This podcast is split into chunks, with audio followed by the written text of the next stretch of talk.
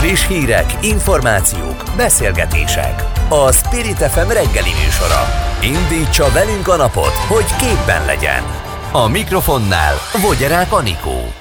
Szép jó reggelt kívánok mindenkinek, 7 óra 6 perc van, és április 7-e csütörtök. Köszöntöm Önöket a szerkesztő Hazafi Zsolt nevében is. Sok mindennel készültünk, ma is lássuk, hogy a következő egy órában milyen témáink lesznek. A szerbiaihoz hasonló helyzetet vizionál a Demokrata újságírója Kárpátalján, vagyis hogy a háború következtében kiosztott fegyverek további konfliktusokat okoznak, és hogy később majd ugyanúgy áttelepíthetnek ukránokat Kárpátaljára, mint annó szerbeket a vajdaságba, így az eddiginél is sokkal nehezebb helyzetbe kerülhet majd a magyar kisebbség. Mi van most Kárpátalján? Hogy bírják a belső menekültválságot, és egyáltalán hol tart a háború? Ezeket beszéljük mindjárt meg Kádebreceni Mihályjal a helyszínről. Aztán a bucsai mészárlás lesz a témánk. A világ az oroszok háborús bűnéről beszél, az oroszok viszont cinikus provokációnak nevezik a véren vérengzést, és tagadják, hogy ők a felelősek. Hogy és egyáltalán mikor lehet vizsgálatot indítani, kiderülhet-e valaha, hogy ki a bűnös? Jogi szempontból vizsgáljuk a kérdést. Magyarország bekérette az ukrán nagykövetet, ha jól értem, akkor gyakorlatilag rászóltak, hogy mondja már meg a főnökének, hogy ne üzengessen Magyarországnak. Mit jelent ez diplomáciai szempontból, és mit üzen a jogállamisági mechanizmus elindítása rögtön a választás után? Újhelyi István lesz a vendégem Brüsszelből elszálló élelmiszerárak, magas infláció, forint árfolyamának ingadozása, költségvetési hiány, az uniós pénzek visszatartása, nem sorolom tovább, nem lesz könnyű dolga az új Orbán kormánynak a magyar gazdasággal. Sokak szerint biztos, hogy komoly megszorítások jönnek. A portfólió szakértő újságíróját kérdezem, hogy ő hogy látja a helyzetet. És kenyérkrízissel fenyeget a háború miatt leálló ukrán búza export. Sokan ezt mondják, erre is keressük majd a választ még ebben az órában. Spirit FM 92.9 A nagyváros hangja Sajnos nem csitul a fegyverek zaja Ukrajnába. A háború miatt egyre ijesztőbb és megrázóbb hírek érkeznek keleti szomszédunktól. Kádebreceni Mihály kárpátaljai újságírót kérdezzük az események hatásairól. Jó reggelt! Jó reggelt kívánok, köszönöm a kedves rádió hallgatókat! Kérlek, hogy kezdjük azzal, hogy mi most a legfrissebb helyzet nálatok. Úgy menekültek ellátásában, erről már hetekkel korábban beszéltünk, hogy a nagyobb városok gyakorlatilag megteltek, és egyáltalán mit tudtok most a háborúról? Továbbra is azt kell, hogy mondjam, hogy Kárpátalja szerencsére továbbra is a a béke és a nyugatalom szigete, tehát uh, itt harci cselekmények nem történtek, rakétatámadások nem történtek, ez azért is nagyon fontos, mert mindenféle humanitárius segítség a megyén keresztül megy, ami Magyarországról, az Európai Unió területéről is, ugye a legtöbb az Magyarországról érkezik, segítség, humanitárius segítség, ugye az itt megy keresztül, és itt jut el Nyugat-Ukrajna mást megyébe, itt szortírozzák, itt küldik tovább, úgyhogy ez nagyon fontos, hogy a béke és a stabilitás itt, itt megvan, és meg tudták őrizni a közrendet is. Ami a menekülteket illeti, nos, egyes becslések szerint több mint 380 ezer lehet körülbelül a belső menekültek száma Kárpátalján, de ezek csak becslések. Uh-huh. Tehát itt, itt különböző számok jelentek meg, 110 ezeren jelentkeztek hivatalosan, pontosabban regisztráltak hivatalosan, de a becslések szerint itt háromszor, három és félszer többen lehetnek Kárpátalján. Így van, korábban már megteltek a nagyobb városok, mint Ungvár, Munkács, és már akkor is buszokat indítattak például a, a pályaudvarokról, a határállomásokra azok számára, akik át szerettek volna menni Magyarországra, mert legtöbben Magyarországra mennek tovább, akik Kárpátaljára érkeznek, vagy éppen a szlovák határátkelőhöz, és az utóbbi hetekben volt arra is példa, hogy például az ungvári magyar főkonzulátus segített eljuttatni gyermekeket, anyákat különböző magyarországi településekre, szintén busszal az ungvári pályaudvarról. Ilyen, ilyen nem, mi is részt vettünk, tehát ott voltunk kint, mint újságírók, tehát borzalmas látvány volt ezt az egészet végigélni, amikor olyan emberekkel találkozik az ember, akik a, abból a, a borzalomból érkeztek Donetsk medencéből, tehát a Donetsk megyéből, és hát körbe bombázták a, a, a városaikat, meg mindent, tehát egészen egyszerű, egészen szörnyű történetekkel találkoztunk. De visszatérve ahhoz, hogy Kárpátalján tényleg stabilitás és rend uralkodik, ez, ez, ez hál' Istennek, hál' Istennek az elmúlt heteknek a, a, a legnagyobb eredménye. Van-e ellátási zavar? Korábban erről is volt szó, hogy mondjuk például gyógyszerhiány léphet fel, és erre van szükség, amikor humanitárius segélyről beszélünk. Most mit lehet tapasztalni? A boltokban van minden? Gyógyszertárakban van minden? Minden működik? Itt Ukrajna nyugati felébe egyelőre és szerencsére minden működik. Tehát a, a boltokban természetesen tapasztalható bizonyos fajta átrendeződés, és azt mondom, hogy bizonyos fajta termékeket már az ember nem tud megtalálni, mint amihez korábban hozzászokott, de az alapvető élelmiszer cikkek azok, azok megtalálhatóak. Meg természetesen még itt azért árubőség van, tehát ilyen, ilyen hiány nincs. Ami a, a patikák ellátását illeti, nos hát vannak dolgok, amik már eltűntek, és vannak az olyan, olyan gyógyszerek, amik még megvannak, viszont Kárpátaljára mindig szükség lesz, tehát szerencsére itt ugye négy Európai Uniós országgal határos ez a megye, és hát ugye mindig is szükség lesz a menekültek ellátásában például tartós élelmiszerre, higiéniai eszközökre, illetve különböző cikkekre, tehát ezeknek az utánpótlására folyamatosan szükség lesz a következő időszakokban is, hiszen nap mint nap érkeznek olyan vonatok, menekülteket szállító vonatok Kelet-Ukrajnából, akik, akiknek ugye a menekülteknek egy része ugye tovább megy, de sokan itt is maradnak Kárpátalján, és akik itt maradnak el, még csak, pár napra is, őket is el kell látni.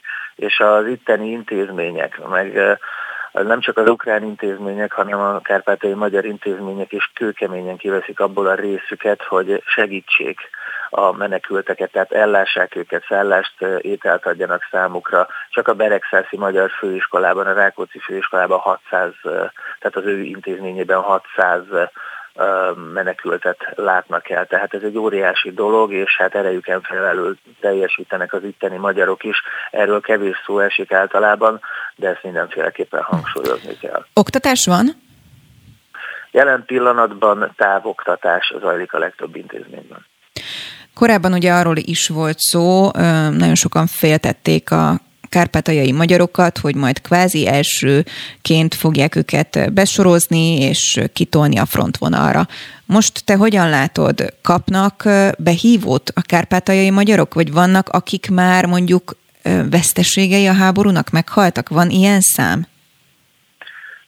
Egyelőre, és szerencsére ilyen számokról nem tudunk beszélni, tehát itt volt olyan, aki magyar származású, és már meghalt a háborúban, igen. De hát itt most hadi állapot van, tehát 18 és 60 év között a férfiak azok hat kötelesek, és hát a, a háborúban nyilván elő, elsősorban azokat viszik, akiknek van valamiféle tapasztalata a fegyver használat terén. Arról is lehetett hallani, hogy Ukrajnában nagyon sok önkéntes katona érkezik, hogy segítse az ukránokat a világ minden tájáról. Te hallottál erről, találkoztál ilyennel, vagy vannak ilyen típusú cikkek, amik erről szólnak? Hát cikkek és hírek meg, itt is megjelennek természetesen erről, de hát, de hát mi is csak annyit tudunk róla, mint amennyit Magyarországon, vagy pedig az Európai Unió más országaiban megjelentettek. Folyamatosan azt halljuk most már az elmúlt napokban, hogy átcsoportosít éppen Ukrajnában az orosz haderő. Ti milyen híreket tudtok, hogy áll most a háború? Is ugyanazokat a híreket látjuk, amiket az Európai Unióban, Magyarországon, természetesen mi is ugyanazokat a, a hírforrásokat nézzük, és hát bizonyos szintű átcsoportosítást mi is észrevettünk, hogy hát itt most dél-kelet-ukrajnára terelődik nagyon a hangsúly, úgy látszik, hogy a Dombász és környékét élik mostanában intenzívebb támadások, ugye Kijev és környékéről, Csernigovból onnan kivonultak az orosz erők. Azt láthattuk is, hogy ott micsoda borzalom van a, a, a, az elmúlt napok képsorai alapján. Ettől függetlenül nem tudjuk azt megjósolni, hogy mi fog tovább történni. Mindenki abban reménykedik, hogy, hogy egyszer csak beköszönt végre a béke és, dönt, és döntő szerepe lesz annak, hogy, hogy béke szülessen, mert hát ugye a 21. században vagyunk mégiscsak, és hát elég furcsa az, hogy ilyen megtörténhet. Így már a háború 43. napján még mindig nem tudunk békéről beszélni, és ez szörnyű. Kádebrecini Mihály Kárpátaljáról nagyon szépen köszönöm, hogy a rendelkezésünkre álltál. Köszönöm. Spirit FM 92.9 A nagyváros hangja a Kiev melletti Bucsa utcájában heverő holtestekről készült sokkoló képek bejárták a világot. A felvételek háborús bűncselekmények rémképét idézik. A nemzetközi jog alapján hogyan lehet felelősségre vonni az elkövetőket? Vendégünk Hoffman Tamás, nemzetközi jogász, egyetemi docens. Jó reggelt kívánok! Jó reggelt kívánok! És hát két oldalú kommunikáció van a bucsai vérengzéssel kapcsolatban azt látom, hogy körülbelül a világ egyöntetően háborús bűnösként emlegeti már Oroszországot, Putyint. Ők maguk viszont azt mondják, hogy cinikus provokáció mindez, és hogy egyébként, hogyha valaki a tényeket vizsgálná, akkor ők már előbb kivonultak, és csak négy nappal később kerültek elő ezek a felvételek. Ki és hogyan tud ebben majd igazságot tenni jogilag? Hát, hát először is, hogyha már azt, azt akarjuk megnézni, hogy vajon van-e bizonyíték arra, hogy az orosz csapatok követték el ezeket a valószínűsíthető bűncselekményeket, akkor azt látjuk, hogy már most elég sok bizonyíték áll rendelkezésünkre, leginkább mi volt felvételek, amelyek bizonyítják, hogy bizony az orosz csapatok jelenléte alatt kerültek ezek a holtestek az utcára, illetve hát a tömegsírokat is ők ásták meg, és ők temették bele az található holtesteket. Tehát ez már önmagában elég eh, erősen valószínűsíthet, eh, valószínűsíti azt, hogy ők lehetnek az elkövetők. A felelősségre vonás eh, kapcsán több lehetőség van. Az egyik lehetőség az a Nemzetközi Büntetőbíróság.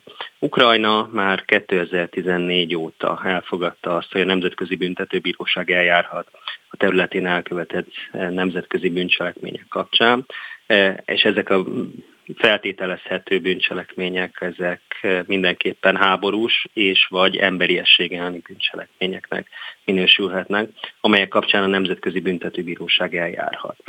Már be is jelentették hetekkel ezelőtt Hágában, hogy elindítják a vizsgálatot, és jelen pillanatban is gyűjtik a bizonyítékokat azzal kapcsolatban, hogy a konfliktus során történtek-e ilyen bűncselekmények. Így első látásra úgy tűnik, hogy ez a bucsai incidens, hát ez mindenképpen eh, egy olyan bűncselekménynek minősül, ami, amelynek kapcsán a Nemzetközi Büntetőbíróság eljárhat. De emellett eh, más lehetőségek is vannak. Ugye természetesen maguk az ukránok is eljárhatnak a területükön elkövetett bűncselekmények kapcsán. Az ukrán ügyészség több ezer ügyben hm. nyomoz, amelyek kapcsán feltételezik, hogy ugyancsak e, háborús bűncselekmények vagy emberi elleni bűncselekmények történtek, illetve egyébként bármelyik ország, amelyik a saját jogrendszerében elismeri az úgynevezett egyetemes joghatóság koncepcióját, az szintén eljárhat. Például Lengyelország már hetekkel ezelőtt bejelentette, Eh,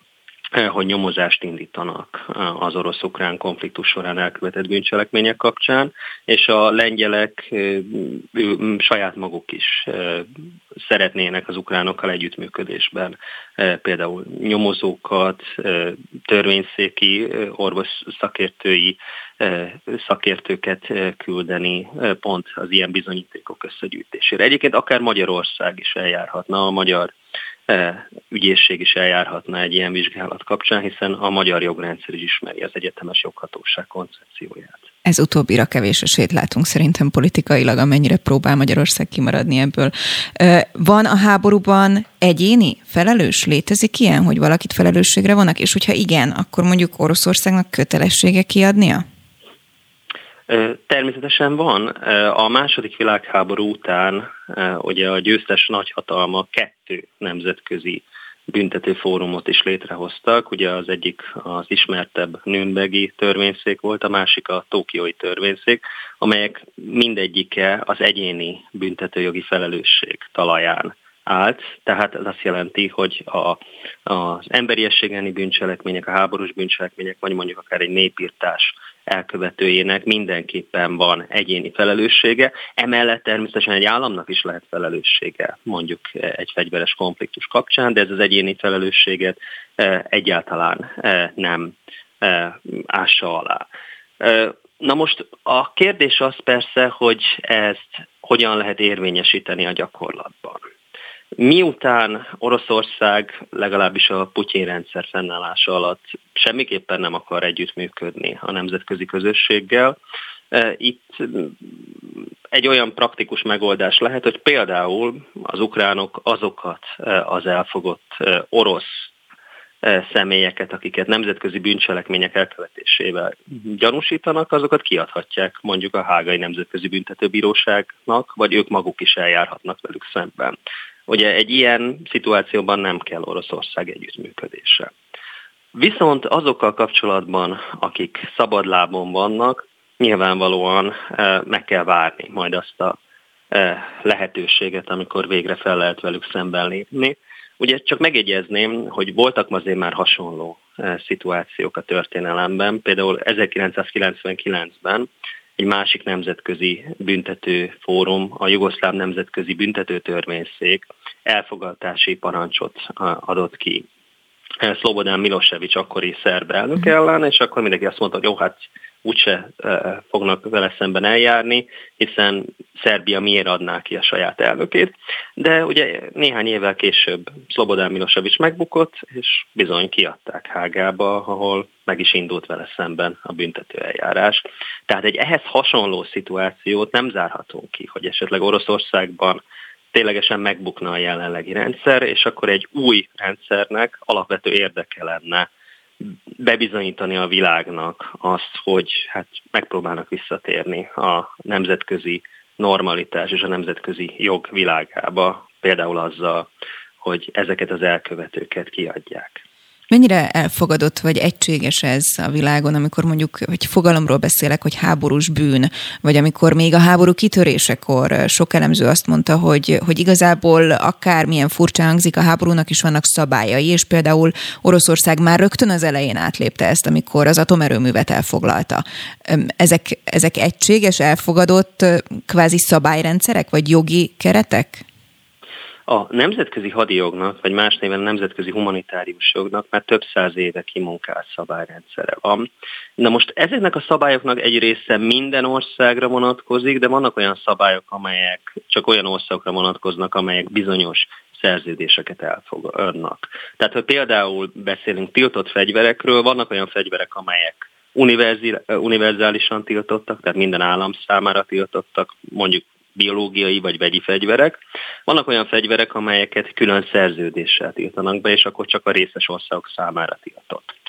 A nukleáris erőművek elfoglalása például szerintem nem is egy kifejezetten jó példa, mert én ott például nem látom a hadijogi szabályok megsértését, de hát a mostani konfliktusban tömegesen sértik meg a nemzetközi hadijogi szabályokat. Például? Elsősorban orosz oldalon, de ukrán oldalon is. Hát például, amikor látjuk a körülzárt városok bombázását, akkor hát a külső szemlélő számára úgy tűnik, hogy itt civil és katonai célpontokat megkülönböztetés nélkül támadnak, amely egy egyértelmű hadijogi jogsértés és háborús bűncselekmény. Vagy ugyancsak a körülzárt városoknál erőteljesen felmerül a polgári lakosság éheztetésének a gyanúja, ami szintén hadijogi szabásértés. Vagy az oroszok nem, vagy csak nagyon mérsékelt módon engedik meg a polgári lakosság evakuálását. A megszállt területeken e, úgy tűnik, hogy hát e, teljesen sárba tiporják a megszállás jogával kapcsolatos szabályokat, például azzal, hogy elrabolnak e, embereket, deportálnak tömegesen a megszállt terület lakosságát, gyakran orosz területre, vannak olyan hírek, elég megalapozottnak tűnő hírek, hogy egyes területeken ugye megpróbálnak szeparatista entitásokat létrehozni. Tehát egyébként én most dolgozom is egy, egy anyagon, ami megpróbálja felsorolni csak röviden, hogy milyen hadjogi jogsértések történtek. Hát a lista az rendkívül tetemes. Nagyon röviden, mikor indulhatnak el ilyen típusú eljárások, hiszen ugye lehet, hogy hosszú háborúra kell berendezkedni. Ezt már közben is el lehet indítani? Természetesen. Hát ugye minden egyes jogsértés után elindulhat egy büntetőeljárás. Nyilvánvalóan minél tovább tart a konfliktus, annál több, több ilyen jogsértés lesz, de az általán felvázolt eljárásokat bármikor meg lehet indítani. Hoffman Tamás, nemzetközi jogász, egyetemi docens. Rengeteg kérdésem maradt, úgyhogy remélem, hogy tudunk majd hosszabban beszélgetni más műsorokban is. Nagyon szépen köszönjük az érthető összefoglalót. Szép napot! Önnek is viszont hallásra! Friss hírek, információk, beszélgetések. A Spirit FM reggeli műsora. Indítsa velünk a napot, hogy képben legyen. A mikrofonnál Vogyerák Anikó. A jogállamisági eljárás bejelentésével kedden már a második váratlan lépést tette meg az Európai Bizottság az EU pénzeink terén bő két hét alatt, ami egyúttal kinyitott egy megegyezési lehetőséget vagy kényszert is a felek között. Ezt azonban nem lehet könnyű elérni egy-két érzékeny feltétel miatt, így valószínűleg leghamarabb csak ősszel várhatók érdemi új EU pénzek Brüsszelből, írta a Portfólió szakportál. Vendégünk Újhely István EP képviselő. Jó reggelt kívánok! Kezdjük csókolom, jó reggelt kívánok! És rögtön a jogállamisági mechanizmusról beszélünk, de előtte azért lenne még egy szintén hát külügyhez vagy diplomáciához kapcsolódó kérdésem. Ugye bekérette az ukrán nagykövetet Magyarország, és hogyha jól értem, körülbelül rájuk szóltak, hogy szóljon már a főnöknek, hogy így ne szóljon be Magyarországnak. Jól értem-e, és ez, ez egy valid álláspont-e? Jól érti, hát ugye ez a szimbolikus lépés, ez a régi diplomáciai korokból magunkkal hozott egyfajta üzenet, hiszen nyugodtan ezt telefonon is el lehetne mondani, de ennek megvan a ereje, hogy a külügyminiszter magához kérett egy nagykövetet. A, nyilvánvaló, hogy a kormányzatot folytatja a retorikáját, ahol a választás között abba hagyta, ezt én sajnálattal figyelem, mert azt hiszem, hogy belekeverni a háborút ilyen ocsmány módon, mint ahogy az elmúlt hetekben Magyarországon a belpolitikában a kormány egyik fő kommunikációs üzenete lett, és belekeverni Zelenszky elnököt, vagy az ukránokat, akiknek éppen megvan az egy, egyéb bajuk. Ez szerintem ez nem érdemes. De hát a kormány úgy látszik úgy érzi, hogy ezt érdemes folytatnia. Sokak szerint egyébként ez is vezetett eh, ehhez a mértékű győzelemhez. És mindemellett sokan azt is mondják... Bocsánat, igen, igen, igen, tehát, ja, tessék. Igen, és mindemellett sokan azt is mondják, hogy például az ilyenek miatt is büntetik kvázi eh, az Unió Magyarországot, és hogy nem véletlen, hogy a választás után indították el a jogállami mechanizmust, és egyáltalán is miért nem voltak eh, informális háttéregyeztetések. Szóval miért most és hogyan indult el, mi a folyamat lényege? Ah, milyen jó érzékel akartam mégiscsak közbeszólni, hiszen a, az első félmondat az a magyar választásokról szólt, még igen, sok egyéb ok mellett azt hiszem a kétharmad, tehát az utolsó másfél hét megcsúszása az annak köszönhető, hogy a kormányzatnak sikerült azt elérnie, hogy még a Fidesz ellen, vagy a fidesz kevésbé szimpatizáló választók is úgy érezték, hogy ha nem Orbán Viktor marad, akkor esetleg az ellenzéki pártok háborúba sodorják Magyarországot, ami egészen elképesztő. Erre mondtam, hogy ez egy ocsmány kommunikáció volt. Nem tudtuk ellensúlyozni. De, természetesen szó nincsen róla. A jogállamisági kérdéskörnek ehhez nincs köze. Ezt hagy szögezzem le. Ahhoz, hogy egyébként csak Magyarország ellen indította el az Európai Bizottság az eljárást az Európai Unió történetében először. Ez egy meglehetősen kétes dicsőség számunkra. Bocsánat, az, hogy ehhez nincs köze, az azt jelenti, hogy ahhoz, hogy Magyarország mondjuk hogyan kezeli, vagy hogyan kommunikálta a háborút, vagy ahhoz, hogy a választások után jöttek elő vele? A, a háborúval kapcsolatos uh-huh. kommunikációnak okay. nincs köze. Hiszen azt én is az önök rádiójában is elmondtam néhány héttel ezelőtt, hogy a választásokat követően rögtön meg fog indulni a jogállamisági eljárás. Minden jel erre mutatott, minden információ erről szólt. Hiszen ez egy új jogszabály, a jogszabályt alkalmaznia kell az Európai Bizottságnak, nincs nagyon mérlegelési lehetősége, hiszen ha nem alkalmazza, akkor pedig az Európai Parlament megy neki az Európai Bizottságnak és követeli ki rajta. Egyetlen egy mozgástere volt az Európai Bizottságnak, hogy megvárta a választásokat, amit én is helyeseltem, hogy ne az legyen az érzet, hogy egyébként a választási kampányba szól bele az európai intézményrendszer. Tehát elindult a vizsgálat, ez várható volt. Ahhoz egyébként, hogy mennyire kíméletesen bánnak az Orbán kormányjal, ahhoz viszont, ez egy politikai döntés az Európai Tanácsban, ahhoz viszont nyilván van köze annak, hogy mennyire érzik korrektnek, és mennyire érzik az európai közösséggel szolidárisnak Orbán Viktor mozgását, már pedig nem érzik. Ez azt jelenti, hogy nehéz hónapok várnak Magyarországra és az Orbán kormányra, mert biztos, hogy az eljárás lefolytatódik, és az is biztos, hogy büntetést kapunk. Akkor mondok két kormányzati reakciót vagy álláspontot erre vonatkozóan. Az egyik Dajcs Tamás, az ön kollégája, aki kiéheztetési eljárásnak nevezte ezt.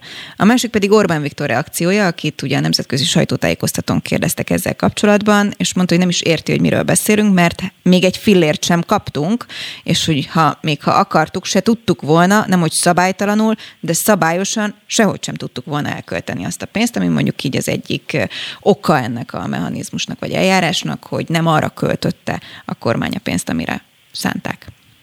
Ha már a tegnapi Orbán nyilatkozatról beszélünk, akkor hagyj érzem meg, hogy a miniszterelnök ismét tévedésben tartotta a magyar közvéleményt, hiszen azt mondta, hogy itt a korrupciós és egyéb ügyekben már megegyeztünk, ilyen probléma nincsen, megegyeztünk az Európai Bizottsággal, a gyermekvédelmi törvények kapcsolatos kérdések maradtak fenn. Ez, ez elképesztő hazugság.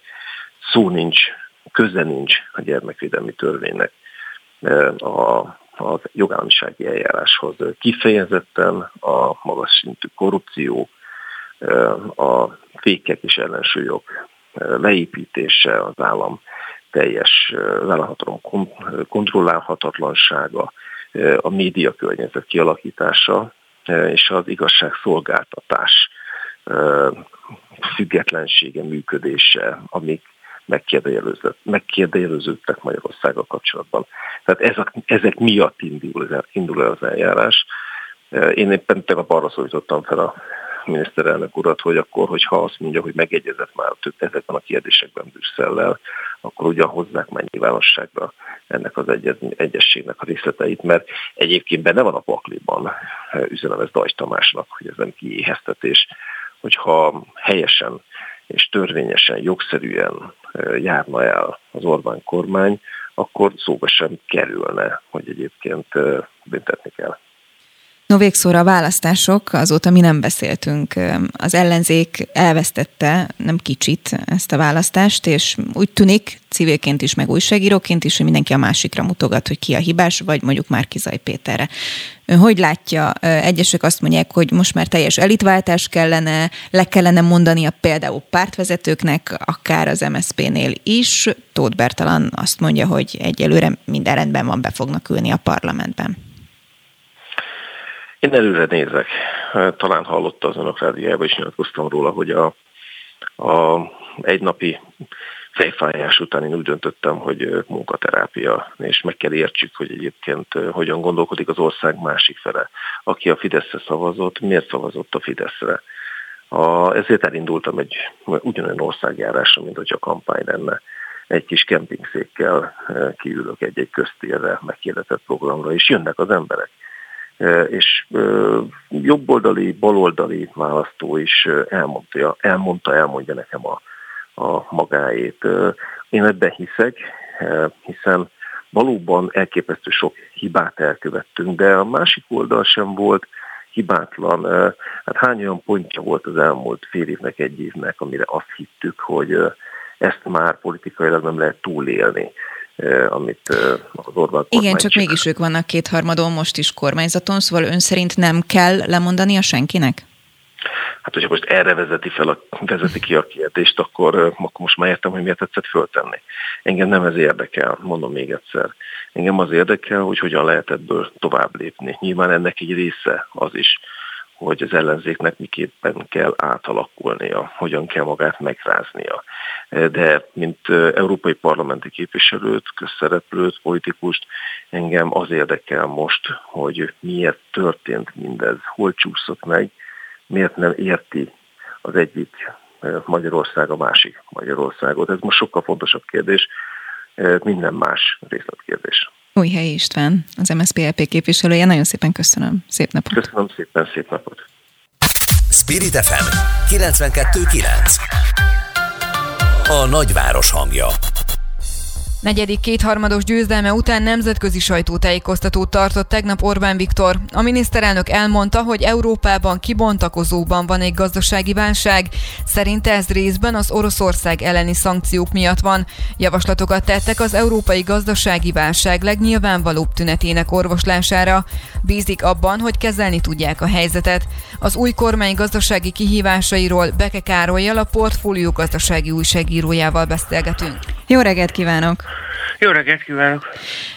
Van nálatok egy nagyon hosszú elemző cikk, amely 10 pontban összeszedi azt, hogy mi minden okozhat gondot Ezekből próbáljunk meg néhány dolgot felsorolni. Te gazdasági újságíróként hogy látod, mi a legsürgetőbb feladat mondjuk, ami gazdasági nehézséget okoz egy új kormányzatnak? Ugye több csoportba lehet sorolni ezeket a, a nehézségeket. Kezdjük talán a legnyilvánvalóbban, ugye továbbra is zajlik egy háború a szomszédunkban, és ennek lesznek gazdasági hatásai, illetve már vannak is gazdasági hatásai. Az egyik hatás az biztos, hogy az infláció emelkedése lesz, hiszen ugye jelentősen emelkedtek a nyersanyagárak, az olaj világpiaci ára, de az élelmiszerek esetében is várható még további áremelkedés. A másik hatás pedig a gazdaság lassulása lesz, és hiszen ugye az export, exporton keresztül biztos, hogy valamekkora része kiesik majd a termelésnek a magyar gazdaságból. Nagyjából ez a két olyan rövid távú hatás, amit kezelnie kell a kormánynak, hogy hogy, hogy a még magasabb infláció mellett lesz egy visszaeső gazdasági növekedés, ezt szokták egyébként a közgazdaságtanban stagflációnak nevezni, tehát hogy ezt a helyzetet megpróbálja hát vagy elkerülni, vagy a lehető legrövidebbre venni hogyan lehet elkerülni, vagy hogyan lehet rövidebbre venni, hiszen ezek olyan ö, dolgok, amelyek, ahogy a kormányzat szokta mondani, rajtunk kívül áll. Az infláció is jelentős mértékben, no de pláne a háború. Igen, ugye ilyen esetekben azt tudja tenni a kormány, hogy hogy megpróbálja tompítani ezeket a hatásokat, hogy ne gyűrűzzenek be olyan hirtelen a gazdaságban. A magyar kormány egyébként éppen tett is ilyen lépéseket, tehát ha az árstoppokra gondolunk az üzemanyag vagy az élelmiszerek esetében, vagy például a kamatstoppra, hogy az embereket ne érintse a, a jegybanki kamatemelés hatása, akkor látjuk azt, hogy, hogy születtek ilyen döntések, és próbálja a kormány tompítani ezeket a hatásokat. Másik oldalról pedig ugye meg kell próbálnia élénkíteni a gazdaságot, de ebben az élénkítésben most nem számíthat a monetáris politikára, hiszen egy banknak kamatot kell emelnie, ahogy azt tette az elmúlt hónapokban, tehát neki éppen, hogy szigorítania kell a monetáris politikán. A kormányra hárulna a feladat, hogy megpróbálja valahogy élénkíteni a gazdaságot. A probléma az, hogy közben a költségvetési hiány is magasabb a a tervezetnél, tehát hogy ez, ez egy komoly kihívás a jelenlegi helyzetben. Te szakértőként hogy látod a jelen gazdasági körülmények között a háború, az infláció, a mondjuk forint ingadozása, mert ezt is azért emeljük be a mindenféle hatások kapcsán. Mekkora a baj ahhoz képest, hogy Orbán Viktor ugye, amikor mondjuk gazdasági nehézségekről kérdezik, akkor azt mondta, hogy hát eddig is az összes kormányzás alatt voltak gazdasági problémák, amelyeket könnyedén megugrott a kormány. Hát én azt gondolom, hogy ha az elmúlt 12 évet nézzük, akkor olyan jellegű problémával, vagy olyan mértékű problémával még nem szembesült Orbán Viktor, mint amilyennel most, vagy most fog a közeljövőben. Tehát ha csak abból indulunk ki, hogy például az infláció most már lassan 15 éves csúcson van, és ez még lehet 20 éves csúcs is, Persze 2001-ben is ő volt a miniszterelnök, amikor legutóbb 10% felett volt az infláció Magyarországon, de, de azt gondolom, hogy az elmúlt 12 évben nem, nem volt olyan mélységű, vagy olyan mértékű gazdasági válság, ha lehet így fogalmazni, amilyen, amilyen most jöhet. Az uniós források milyen szerepet játszanak mindebben? Ugye a költségvetés szempontjából lenne fontos az, hogy, hogy a kormány megáll, megállapodjon az Európai Bizottsággal az uniós források folyósításáról, hiszen ugye az elmúlt években a kormány már megelőlegezte ezeket a forrásokat, tehát Magyarországon ugye ez most már nagyon régóta úgy működik, hogy a különböző beruházásokat a kormány költségvetési forrásból megvalósítja, és aztán valamikor majd utólag befolyik az uniós forrás. Ugye erre mondta azt tegnap Orbán Viktor, hogy ő nem tudja, hogy milyen forrást akar tőle elvenni Brüsszel, hiszen még meg sem kaptuk a forrást. A probléma az, hogy ha nem egyezik meg a kormány a bizottsággal, akkor nem is fogjuk megkapni. Tehát, hogy akkor ez a pénz, ez, vagy ennek egy része soha nem fog megérkezni, amit már elköltöttünk.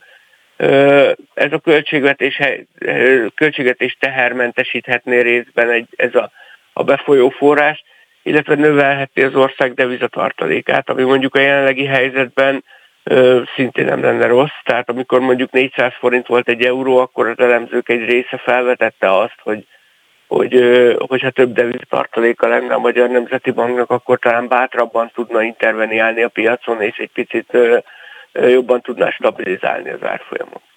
Említetted már a stoppokat, a mindenféle árstoppot. Erre vonatkozóan Orbán Viktor annyit mondott ugye most legutóbb, hogy ameddig csak lehet fenntartaná a négy árstopp rendszerét, benzin, élelmiszer, kamat, rezsi. Te hogy látod, meddig fenntarthatóak ezek? Gondolom még rövid ideig biztosan, hiszen egy választás után az elég durva lenne, hogyha így hirtelen májustól mondjuk mindennek vége, és tripla annyit kellene fizetnünk, de meddig fenntartható biztonsággal gazdasági szempontból? Hát igazából a tegnapi sajtótájékoztató előtt én azt gondoltam volna, hogy nem sokáig. Tehát ha, ha a gazdasági logikát nézzük, akkor azt gondolom, hogy ez nem sokáig fenntartható. Ugye mindig az ilyen jellegű intézkedéseknél azt kell mondani, hogy hogy persze a, a kormány tompíthatja az emberekre rakódó terheket, de azt a terhet valakinek ki kell fizetnie. Tehát én előzetesen azt gondoltam volna, hogy májusban például az üzemanyagoknak az árstopját azt meg kell szüntetni a kormánynak, tehát nem fogja tudni tovább fenntartani.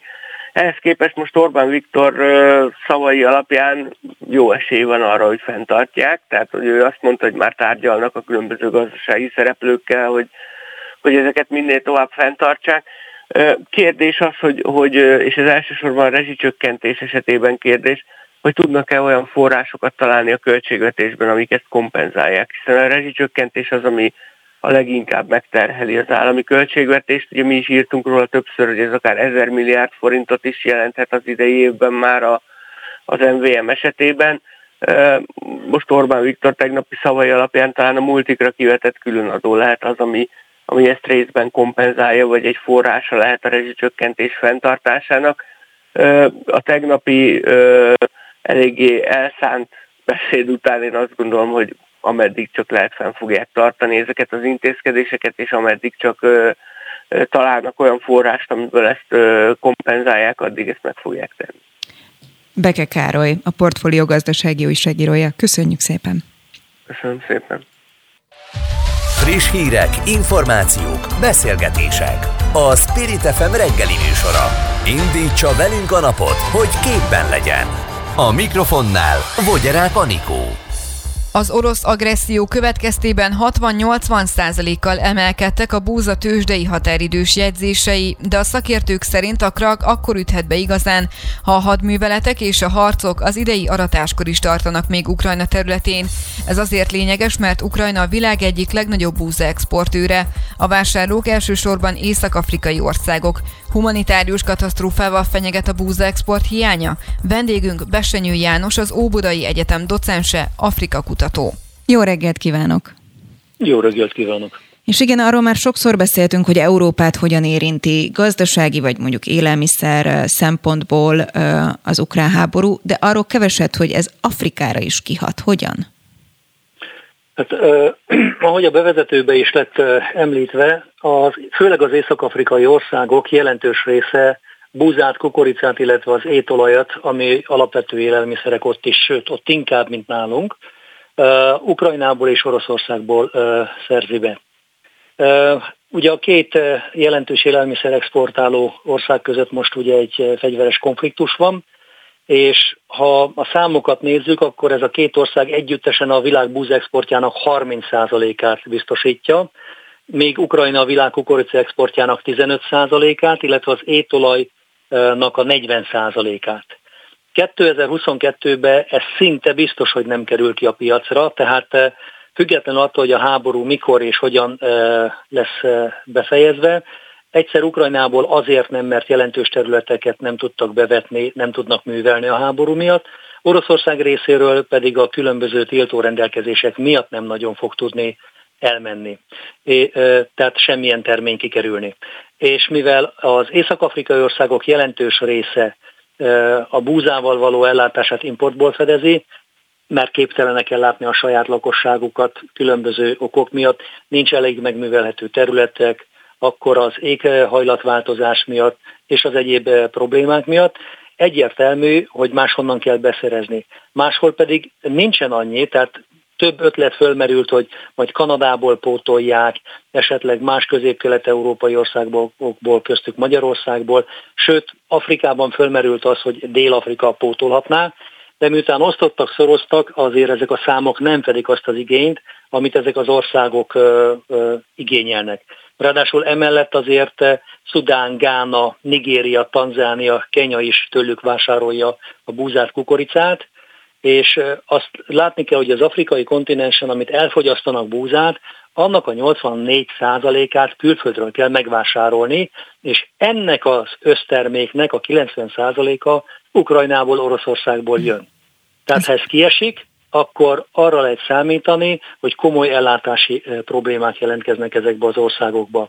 És már most látni kell, hogy egyébként az afrikai kontinensen, ahol ugye másfél milliárd emberről beszélünk, 280 valahány millió ember államilag eh, támogatott eh, élelmiszersegélyekre szorul rá, és nem képes már többet fizetni a napi élelmiszerért. Ha jól értem, akkor több, mint nagy a baj. Ez azt jelentheti, ami egyébként nem szokatlan mondjuk Afrikában, hogy éjséglázadások vagy akár forradalmak is lehetnek? Hogyne, hát ha visszaemlékezik, akkor 2011-ben az arab tavasz egyik kiváltóka pont a kenyérgabona árának és a napi élelmiszerek árának növekedése, sőt a 2018-as szudáni forradalomnak is, aminek a következtébe a 89 óta uralkodó Omar el-Bashir elmozdítása is bekövetkezett. Annak is ez volt az ok, hogy a kenyérárát eh, megemelték. Emlékszem, 2011-ben egy konferencián voltam a Jénagy László professzor úrral Algériában, amikor bejelentette az akkori kormányzat, hogy megemelik a kenyérárát. Több eh, millió ember ment ki az utcára, és mivel látta a kormányzat, hogy elég komolyan indulatokat váltott ki ez az intézkedés, két-három napon belül visszavonták, visszaállt a kenyér ára, és csodák csodája az utcáról eltűntek az emberek, visszamentek dolgozni. Tehát ilyen sokat jelent az, hogy tudnak enni. Mivel említettem, nincs elég megművelhető földterület, az éghajlatváltozás miatt a jelentős népszaporulat miatt hatalmas tömegeket kell e, ellátni napi szinten. Hát például Egyiptom, aki különösen ki van ennek téve, az élelmiszerek jelentős részére, és ezen belül ugye a kenyérgabona, hisz a az ottani családok mindegyike, ha más nem, napi szinten kenyeret teszik. Tehát a kenyér az tényleg alapvető élelmiszer, illetve az üzemanyagokra jelentős e, állami szubvenciókat, támogatásokat tesz, hogy meg tudják fizetni az emberek. És hogyha az emberek nem tudnak enni, illetve nem tudnak ö, ö, dolgozni és ellátni a családjukat, hát akkor bizony kimennek az utcára. De ez csak egy dolog, tehát ha kimennek az utcára, akkor ugye konfliktus adódik, esetleg polgárháborúk lehetnek, más országokban katonai pucsok is, ugye ennek is hagyománya van Afrikában, ez mind oda vezethet, hogy ezek a, a problémák megint csak azt a nagy mumust, a migrációt fogják erősíteni, ami Afrikán belül is, de Afrikán kívüli területre kiemelten Európa irányába is indul. Na és ennek a kezelésére jelenleg Európa nincs felkészülve. Ön hogyan látja ez a következő hetek, hónapok vagy évek kérdése? Hát eh, szerintem uh, hetek, hónapok több szempontból is, mert ugye itt nem csak az élelmiszer válság, de ha megnézzük, ugyanígy a kőolaj-földgáz is elindult, az árak emelkedése. Ez ugyanúgy a szállításokat is megdrágítja, ami szintén megdrágít mindent. Tehát nem csak az fog drágítani, hogy nincs gabon elegendő, hanem az is, hogy sokkal drágább lesz a szállítási költség. Jó, itt vannak különböző ötletek, hogy mivel van több olyan afrikai ország, aki jelentős földgáz, gázolaj, bocsánat, kőolaj és földgáz kitermelő, majd ezek szállíthatnának Európába, és ezzel az orosz függőséget kiválthatnánk. Csak az a probléma, hogy ezek még nem annyira megbízható források ilyen szempontból, illetve pár évvel ezelőtt az Európai Unió csinált egy elemzést, amelyben leírta, hogy hogy lehetne az oroszoktól függetlenedni, külső forrásokat bevonni, és Algériát említette egyik kiemelt lehetőségként.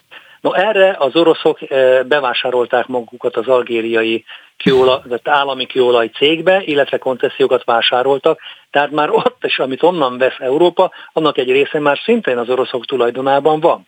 És a másik még, ami még kellemetlenné teszi itt a dolgokat, hogy a műtrágya világpiaci hm. ára is, amiben az egyik legnagyobb termelő szintén Oroszország, elkezdett fölindulni, nem kerül ki az orosz műtrágya a piacra. Ez például Kenyának nagyon kellemetlen lehet, aki ugye az oroszoktól és a kínaiaktól veszi a kőola, bocsánat, a, a a műtrágyát. És Kenyának még azért is kellemetlen, mert például neki az egyik legnagyobb kenyai tea felvásárló, benne van az első ötben, az Oroszország. Tehát Minden mindennel összefügg, hogy hosszan fogunk erről beszélgetni, mert ez is egy nagyon izgalmas vetülete. Most muszáj befejeznünk, mert jönnek a hírek Kovács Klára tollából. Dr. Besenyő János, nagyon szépen köszönöm, hogy a rendelkezésünkre állt. Nagyon szívesen. Friss hírek, információk, beszélgetések. A Spirit FM reggeli műsora. Indítsa velünk a napot, hogy képben legyen. A mikrofonnál Vogyerák Anikó. 8 óra 7 perc van, köszöntöm azokat, akik most csatlakoztak, és azokat is, akik hallgatnak minket egy órája. Lássuk, hogy ebben az órában mi mindenről beszélünk.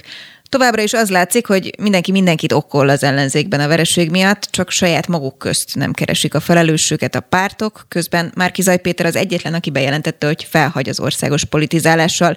Az új Orbán kormány összetételéről pedig már elindultak a tippelgetések. Négy nappal vagyunk a választás után, Krausz Péter elemez majd rögvest. Ha a nyertes nem is, de az újabb kétharmad azért sokakat meglepett, a legtöbben most vasárnap döbbentek rá, hogy bizony buborékokban élünk, és ennek a közösségi média is komoly okozója, ebből a szempontból is megvizsgáljuk a választást. Február óta nem állít ki igazolásokat az egyik budakalászi gyermekorvos. Azt kéri a szülőktől, hogy ők nyilatkozzanak az iskolának arról, hogy a gyermekük betegség miatt hiányzok, hiányzik, de tünetmentes. Hihetetlen teher van az orvosokon, erről is fogunk majd beszélni Havasi Katalinnal, a Házi Gyermekorvosok Egyesületének elnökével. Április 5-e a láthatatlan munka világnapja volt, tudják, ez a fizetetlen munka, amit a háztartásokon belül, vagy mondjuk önkéntes munkaként végeznek, ez is témánk lesz, és a műsor végén beszámolunk majd egy olyan honlapról, amelyet önkéntesek működtetnek azért, hogy a hozzánk érkező ukránok lássák a felajánlásokat. Spirit FM 92.9 A nagyváros hangja Orbán Viktor roppant tapasztalata, különösen a háborús helyzetben, míg a vízió hiánya másikon. Márkizai Péter népszerűtlenebb volt az ellenzéki listánál is. Elemzők ezzel indokolták a Fidesz újabb győzelmét minap egy konferencián. A baloldalnak ezt követően milyen lehetősége van a talpraállásra? Krausz Pétert, a Policy Agenda vezetőjét kérdezzük. Jó reggelt kívánok! Jó reggelt kívánok! Eltelt négy nap, most arra szerintem körülbelül látszik, hogy ki kitokol, vagy mondjuk kikeres felelősöket, és én azt látom, hogy az ellenzékben bárkit kérdezek arról, hogy mondjuk nem kellene személycsere, vagy elitváltás, amit sokan mondanak, akkor, akkor az az egységes reakció, hogy hát minden úgy van jól, ahogy van, meg mindenki beül a parlamentbe. Ma például pont Újhelyi Istvántól kérdeztem ezt, hogy ő hogyan látja, azt mondta, hogy nem ez a fontos, előre kell nézni. Ő hogyan értékeli ezt? Én úgy értékelem, hogy ö, ugye nagyon sokan mondják ellenzéki oldalon, hogy ez egy következmények nélküli ország, amiben bizonyára van valami, ha ők ugye a kormány politikájára gondolnak, és ugye a Fidesz állandó választási győzelmeire. De én azt gondolom, hogy ha ez igaz, már pedig úgy tűnik, hogy igaz, ez az ellenzéki oldalra is maximálisan igaz. Ugye itt megfigyelhető az, és egyszerűsítsük le egyelőre a történetet arra, hogy Gyurcsány Ferenc személyét megvizsgáljuk, Ő ugye 2004 óta az akkor még baloldalinak nevezhető kormánynak volt ugye a vezéralakja, 2004-től ő lett a vezéralakja, majd ugye napjainkig ma már persze baloldalnak nem nevezhető ellenzék meghatározó figurája. Tehát ugye 2004-től mostanáig 18 év telt el, ha jól számolok, és ő, az ő pozíciója gyakorlatilag ezen az oldalon, az ellenzéki oldalon megkérdőjelezhetetlen. Én azt gondolom, hogy ha nem az ő személyével kezdjük a megújulást, és ez természetesen nem rajta múlik, mert ő, ő ebben megingathatatlan, ő úgy gondolja, hogy mindig mindent jól csinált. Most is ugye Márkizai Pétert jelölte ki első számú felelősnek, miközben Márkizaj Péter az ő általuk, az ellenzéki pártok által felállított, meghatározott keretben nyerte meg az előválasztást, és így lett ő az ellenzéknek a miniszterelnök. Tehát ő nem saját magát találta ki, hanem az ellenzéki pártok által kitalált körből ő kapta a legtöbb szavazatot, azaz ő lett ebből, ennek a meghatározott játékszabályoknak alapján a minisztereket. Most ő rá kenni ezt az egész problémakört, ez megint csak elodázása annak, hogy itt valódi megoldás szülessen. Nem csak ő kenni erre, vagy Márkizaj Péterre, hanem mondjuk a Jobbik elnöke is, pedig nagyon sokan mondjuk pont a jobbikot okolják a kvázi verességért, hogy azzal, hogy összeállt a DK-val, vagy belépett ebbe az együttműködésbe, elvesztettek 800 ezer jobbikos szavazót. Jobbik elvesztette a szavazóinak a döntő többségét, hogy miért, ez teljesen egyértelmű feladta az identitását, ami egyfelől persze indokolt volt, mert azt a szélső jobboldaliságot, hogyha valódi az össze akart állni az ellenzék többi pártjával, ezt fel kellett adnia, ez gyakorlatilag megsemmisítette magát.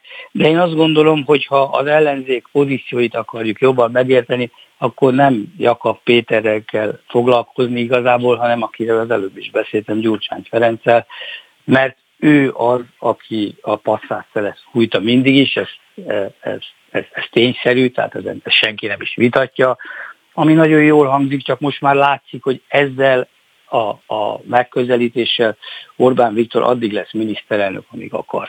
Tehát amíg ott nem történik egy olyan változás, amiben az ő személy egy kicsit hátrébb szorul, sőt, igazából azt kellene, hogy teljes mértékben hátrébb szorulni, teljesen elvárhatatlan az, hogy az ellenzéki oldalon bármi komolyan lehető változás meg Ő azért a kampányidőszakára hátrébb szorult, ezt senki nem mondhatja, sőt, már Kizaj Péter külön kiemelte és megköszönte Gyurcsány Ferencnek azt, hogy az ő kérésére hátra lépett és nem vett részt a kampányban, sőt a listán sem első között volt szegény mi más tehetett volna már Kizai Péter, mint hogy megköszönte, hiszen mindenki pontosan tudta, hogy a DK-nak lesz a legerősebb frakciója, a DK nélkül semmi nem történhet meg, semmi nem valósulhat meg, sem a fővárosban, sem pedig a parlamenti ellenzéki frakcióban. Tehát ez, hogy ő most a kampányból eh, kivonult, egyébként nem vonult ki, hiszen a Fidesz ugye hat éve ráépíti gyakorlatilag a kampányát. Tehát ő az egyetlen állandó elem, ami a Fidesz kampányában felelhető. Tehát az, hogy ő háttérbe vonult, igen, nem szerepelt annyit, de az egész ország vele volt kiplakátozva. Ami természetesen túlzás, és senki nem akar ebbe a fóbiába beleesni, de hát tény. Tehát ő az, aki mozgósítani tudta mindig is a Fidesz szavazóit, most egyéb más okok mellett, de ő az konstans, tehát ő mindig tudta mozgósítani a Fidesz szavazókat.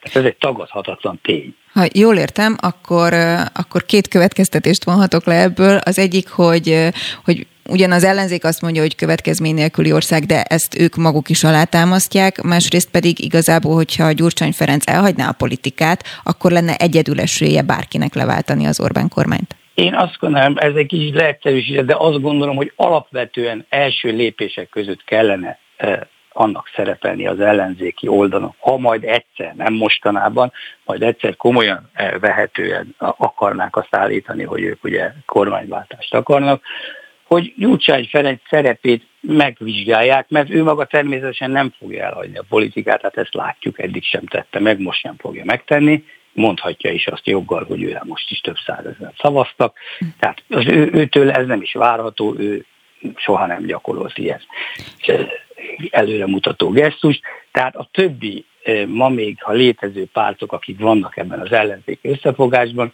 nekik közös, vagy sőt, inkább már csak parlamenti szereplőkről beszélhetünk. A pártok gyakorlatilag megszűntek ezzel az összefogással, az ott jelenlévő fajsúlyos szereplőknek kell erről egy vitát kezdeményezni, hogy az ő szerepe hogyan semlegesíthető. No, ez is izgalmas kérdés lesz a következő hetekben. Krausz Péter, a Policy Agenda vezető elemzője. Nagyon szépen köszönöm. Köszönöm szépen. Friss hírek, információk, beszélgetések. A Spirit FM reggeli műsora. Indítsa velünk a napot, hogy képben legyen.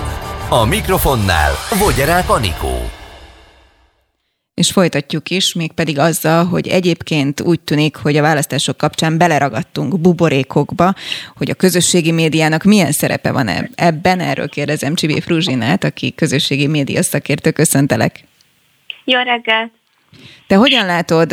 Én azt tapasztalom, hogy hogy azért azt, hogy mondjuk kétharmad lesz, azt kevesen tippelték, még igazából a kormányoldal szimpatizánsai között is. No de pláne, amikor mondjuk valaki ellenzéki érzületű, hogyha fogalmazhatok így, akkor ha csak és kizárólag mondjuk a közösségi médiára hagyatkozott, akkor egyáltalán nem jöhetett szembe ilyen típusú vélemény, hogy itt egy ilyen szintű veresége lesz az ellenzéknek. Valóban például a közösségi média kapcsán a használók ezekben a hát sokat emlegetett buborékokban nőnek fel? Igen, de ezek a buborékok nem csak a közösségi médiában léteznek, hanem offline is jelen vannak.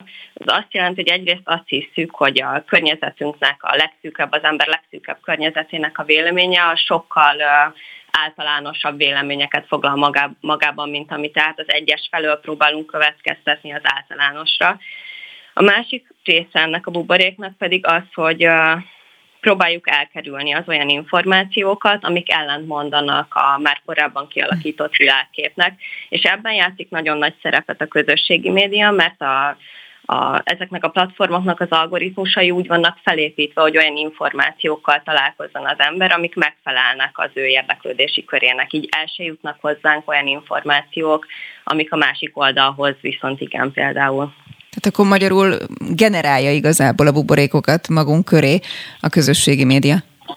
Igen, ráerősít nagyon erre a jelenségre, és nem segít rajta. Nagyon sokféle olyan elvárás volt a közösségi médiával kapcsolatban, hogy demokratizálni tudja majd a kampányt, mm, azzal, hogy a kisebb szereplők is tudnak érvényesülni, és ez még 2018-ban akár igaz is lehetett volna, akkor a kormányoldal sokkal kevésbé volt jelen ezeken a platformokon, és inkább az ellenzék használta ki.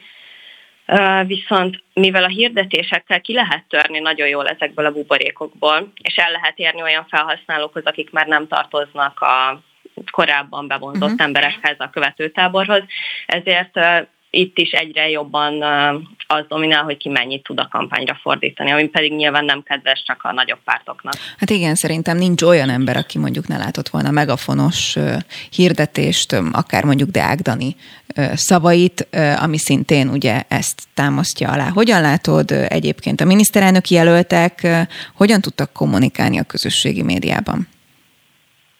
Mindenki próbálta a legjobban megszólítani a saját táborát valószínűleg ez is volt az egyik hiba benne, hogy csak a saját táboruk uh-huh. felé próbáltak kommunikálni. Azt láttuk, hogy nagyon nagy szerepe volt ebben a kampányban a szürke zónának, az olyan félhivatalos oldalaknak, amik nem tartoznak kifejezetten egyik párthoz sem, viszont az általuk közült üzenetek azok egyértelműen betagozódnak valamelyik narratívába, például a Megafon, és ebben a Fidesz az egyszerűen sokkal tapasztaltabb volt, és sokkal több lehetősége is volt benne, de mindenképpen jobban tudta megvalósítani ezeket a, ezt, ezt a fajta kommunikációt, mint az ellenzék. Hogyha algoritmusokat veszünk, akkor mi az, ami jobban pörög?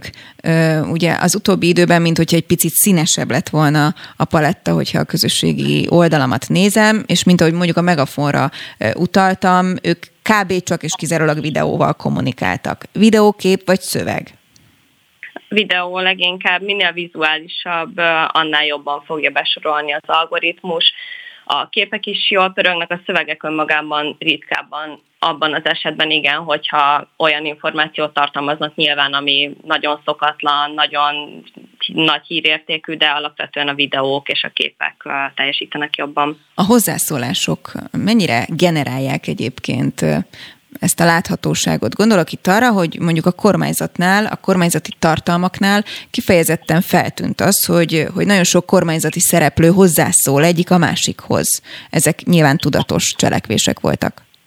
Igen, ez nagyjából úgy működik, hogy amikor egy uh, valamilyen poszt kimegy a közösségi médiába, akkor az algoritmus először az ismerősöknek, uh, vagy a korábbi követőknek, szimpatizánsoknak kezdi el mutogatni őket, és uh, egy adott időn belül minél nagyobb, minél több reakció van rá. Tehát például azt is figyelik, hogy mennyire, milyen gyorsan pörgetnek át rajta a felhasználók, és ez, ebben játszik nagyon fontos szerepet például a kommentelés, hogyha úgy látja az algoritmus, hogy érdekli az embereket, kommentelnek, reagálnak rá, megosztják, sokáig olvassák, akkor fogja bedobni olyan felhasználóknak is, akik kívül esnek ezen a körön. Izgalmas dolgok, fogunk még erről beszélni. Csibi Fruzsina, nagyon szépen köszönöm, hogy a rendelkezésünkre álltál. Szép napot! Köszönöm szépen! Spirit FM 92.9 A nagyváros hangja Február óta nem állít ki igazolásokat az egyik budakalászi gyermekorvos. Helyette azt kéri a szülőktől, hogy ők nyilatkozzanak az iskolának arról, hogy a gyermekük betegség miatt hiányzott, de már tünetmentes, írja az edulány.hu. Hozzátették, gyermekorvosok évek óta kérik az oktatás irányítást, hogy változtassanak a hiányzások igazolásának rendjén, az ugyanis hatalmas terhet ró rájuk. A gyerekorvosok helyzetéről Havasi Katalint, a Házi Gyermekorvosok Egyesületének elnökét kérdezzük. Jó reggelt kívánok! Jó reggelt kívánok, üdvözlöm a rádióhallgatókat is. Induljunk ebből a konkrét példából. Az utóbbi időszakban ugye nyilván a COVID hozhatta ezt elő, hogy iszonyatosan komoly adminisztrációs terhe lehetett a gyermekorvosoknak. Ön hogy látja? Iszonyatosan kemény terhelés volt a gyermekorvosokon. Elsősorban azt emelném ki, hogy még békeidőben 20-30 gyermek fordul meg, fordult meg egy gyermekrendelésen, az utóbbi hónapokban és ebben az évben nem volt ritka, hogy 80 akár 120 ö, szülő is megkeresett bennünket a gyermekének a problémájával. Így aztán a nagyon nagy esetszámból következik az, hogy nagyon sok volt az adminisztrációs teher, és korábbi években is kezdeményezték már a gyermekorvosok az igazolás kérdésének az újragondolását és az, a megváltoztatását, de valójában ez az iszonyatosan nagy mm, munkaterhelés volt az, amelyik, amelyik felerősítette ezt az igényt. Egy nagyon picit szeretnék pontosítani, az Edulány cikkében én azt olvastam, hogy a kolléga nem állít kigazolást azoknak a gyermekeknek, ahol orvosi tanácsra nem volt szükség csak az igazolás, tehát csak az adminisztráció miatt keresik a szülők. Ezt azért fontos különbségnek tartom csak a pontosítás uh-huh. kedvéért. Azonban mindenképpen az általa is kezdeményezett és a Házi Gyerekorvosok Egyesülete által is többször kezdeményezett megoldás, hogy a szülő a saját felelősségével nyilatkozzon arról, hogy a gyermek egészséges vagy nem. Tehát nekünk is házi gyermekorvosnak, főleg az online ellátás során van lehetőségünk ugyan videót kérni, megkörtetni a gyermeket, és ezek alapján értékelni az állapotát, de fontos az, hogy a szülő felelősséggel elmondja, hogy a gyereknek van panasza vagy nincs. Felelősség, a szülői felelősség az is, hogy felhívja az orvost vagy nem. Tehát ilyen értelemben valóban nem indokolt ezt a felelősséget az igazolás tekintetében áthárítani. És hagyd mondjam el, hogy ennek vannak pozitív előzményei hiszen a, a nyári táborozásra, akik idősebbek még emlékeznek, hogy a nyári táborozáshoz is sokáig orvosi igazolást kértek, majd éppen a Házi Gyermekorvosok Egyesületének kezdeményezésére szülői igazolással váltották ezt ki, és az a tapasztalat, hogy nem romlott a helyzet, nem lett több beteg a nyári táborokban, és nem lettek járványok. A COVID eljárásrendben is mindannyian tudjuk, hogy ha egy COVID pozitív gyermek vagy felnőtt karanténba került a, a pozitív teszt miatt, akkor hét nap után orvosi vizsgálat nélkül is az ANTS tiszti orvosi határozattal mehetett közösségbe. Vannak betegségeknek ismert lezajlás ideje, a szülők jó része már pontosan tudja, hogy hogy kell egy náthát kezelni, és ezekben az esetekben valóban a szülőigazolás sokkal jobban leképezni, a szülői felelősségvállalás sokkal jobban leképezni a valós helyzetet, és nem mellesleg csökkenteni azt a terhelést, ami a házi gyerekorvosokon van. Egy mondat, hogyha még belefér, akkor a jogszabályi hátteréről is szólnék hiszen a 20 per 2012-es emmi rendelet előírja, hogy a betegség időtartamát az orvosnak és a hiány, betegség miatti hiányzás időtartamát igazolnia kell, ugyanakkor lehetőséget ad a házi rend arra is, hogy szülői igazolást elfogadjanak az iskolák. Tehát az a három nap, amiről nagyon sokszor lehet hallani, hogy csak három napot igazolhat a szülő, ez valójában nem egy rendelet, nem egy kormányrendelet határozza meg, hanem ez az iskolák SMS-e, így aztán jó néhány helyen az iskolák megegyeznek, kis, főleg kisebb településeken, ahol közvetlen kapcsolat van az oktatás és a házi gyerekorvos között. Az országban több helyen született, születtek erre megállapodások, hogy a szülő ennél több időt igazolhat, vagy a szülőigazolást elfogadják az iskolák. Tehát erre helyi kezdeményezések vannak, ezt mindenképp célszerű lenne országos szinten egységesen bevezetni és kezelni. Ez, hogy, ez végigkérés. Igen, parancsolj. Picit tovább ugranék így a végszóra azért, hogy hogy látja, hogy most éppen mondjuk ugye a Covidot elvitte a háború, a háborút elvitte a választás. A gyermekorvosok tekintetében mi most a legfontosabb feladat, vagy, vagy mi az, amivel szembe kell nézniük, milyen kihívás? A COVID még itt van velünk, az influenza járvány itt van velünk, enterovírusokkal találkozunk nap mint nap, még mindig 60-80-as napi forgalomban. Idős a házi orvosok, házi gyermekorvosok, átlag életkora nagyon magas, 60 év fölötti. Idősödünk, fáradunk, nagyon nagy terhelés van rajtunk. De amit szeretnék hangsúlyozni, az nem az, hogy mi a nehézség, hanem az, hogy ez egy gyönyörű hivatás, ez egy gyönyörű szakma, és nagyon szeretnénk, mhm. hogyha fiatal orvos kollégáknak ezt meg tudnánk mutatni, és lenne utánpótlás, meg tudnánk őrizni hosszú távon azt a lehetőséget, hogy Magyarországon a lehető legtöbb gyermeket már az első orvosbeteg találkozás során gyermekorvos vizsgáljon meg. Ez esélyt ad arra, hogy gyorsabban gyógyuljanak, hogy több prevenciós beavatkozás történhessen. Magyarul meg több betegséget meg tudjunk előzni. Ezt tartjuk a legnagyobb feladatunknak, legnagyobb problémának. Havasi Katalin, a Házi Gyermekorvosok Egyesületének elnöke. Nagyon köszönöm, hogy a rendelkezésünkre állt. Köszönöm a lehetőséget, további szép napot, viszontlátásra. Friss hírek, információk, beszélgetések. A Spirit FM reggeli műsora. Indítsa velünk a napot, hogy képben legyen. A mikrofonnál Vogyerák Anikó. Április 5-e a láthatatlan munka világnapja. Mint a 444.hu cikkében olvasható, a kifejezés 1987-ben jelent meg először, és definíciója szerint az a fizetetlen munka, amit a háztartáson belül vagy önkéntes munkaként a közösség javára végeznek a társadalom tagjai. A társadalom ezen tagjai elsősorban a nők. A jelenségről Keveházi Katával, a Jól Lét Alapítvány esélyegyenlőségi szakértőjével beszélgetünk. Jó reggelt kívánok! Jó reggelt kívánok! Talán, hogyha azt mondjuk, hogy láthatatlan munka, akkor ma már mintha lenne fogalma az embereknek arról, hogy miről beszélünk. Ön hogyan látja a praxisa alatt? Változott a megítélése ennek? Annyi, annyiban igen, hogy többet tudunk róla, de az, hogy ennek a láthatatlan munkának a társadalmi megbecsültsége nőne, azt gondolom, hogy nem beszélhetünk.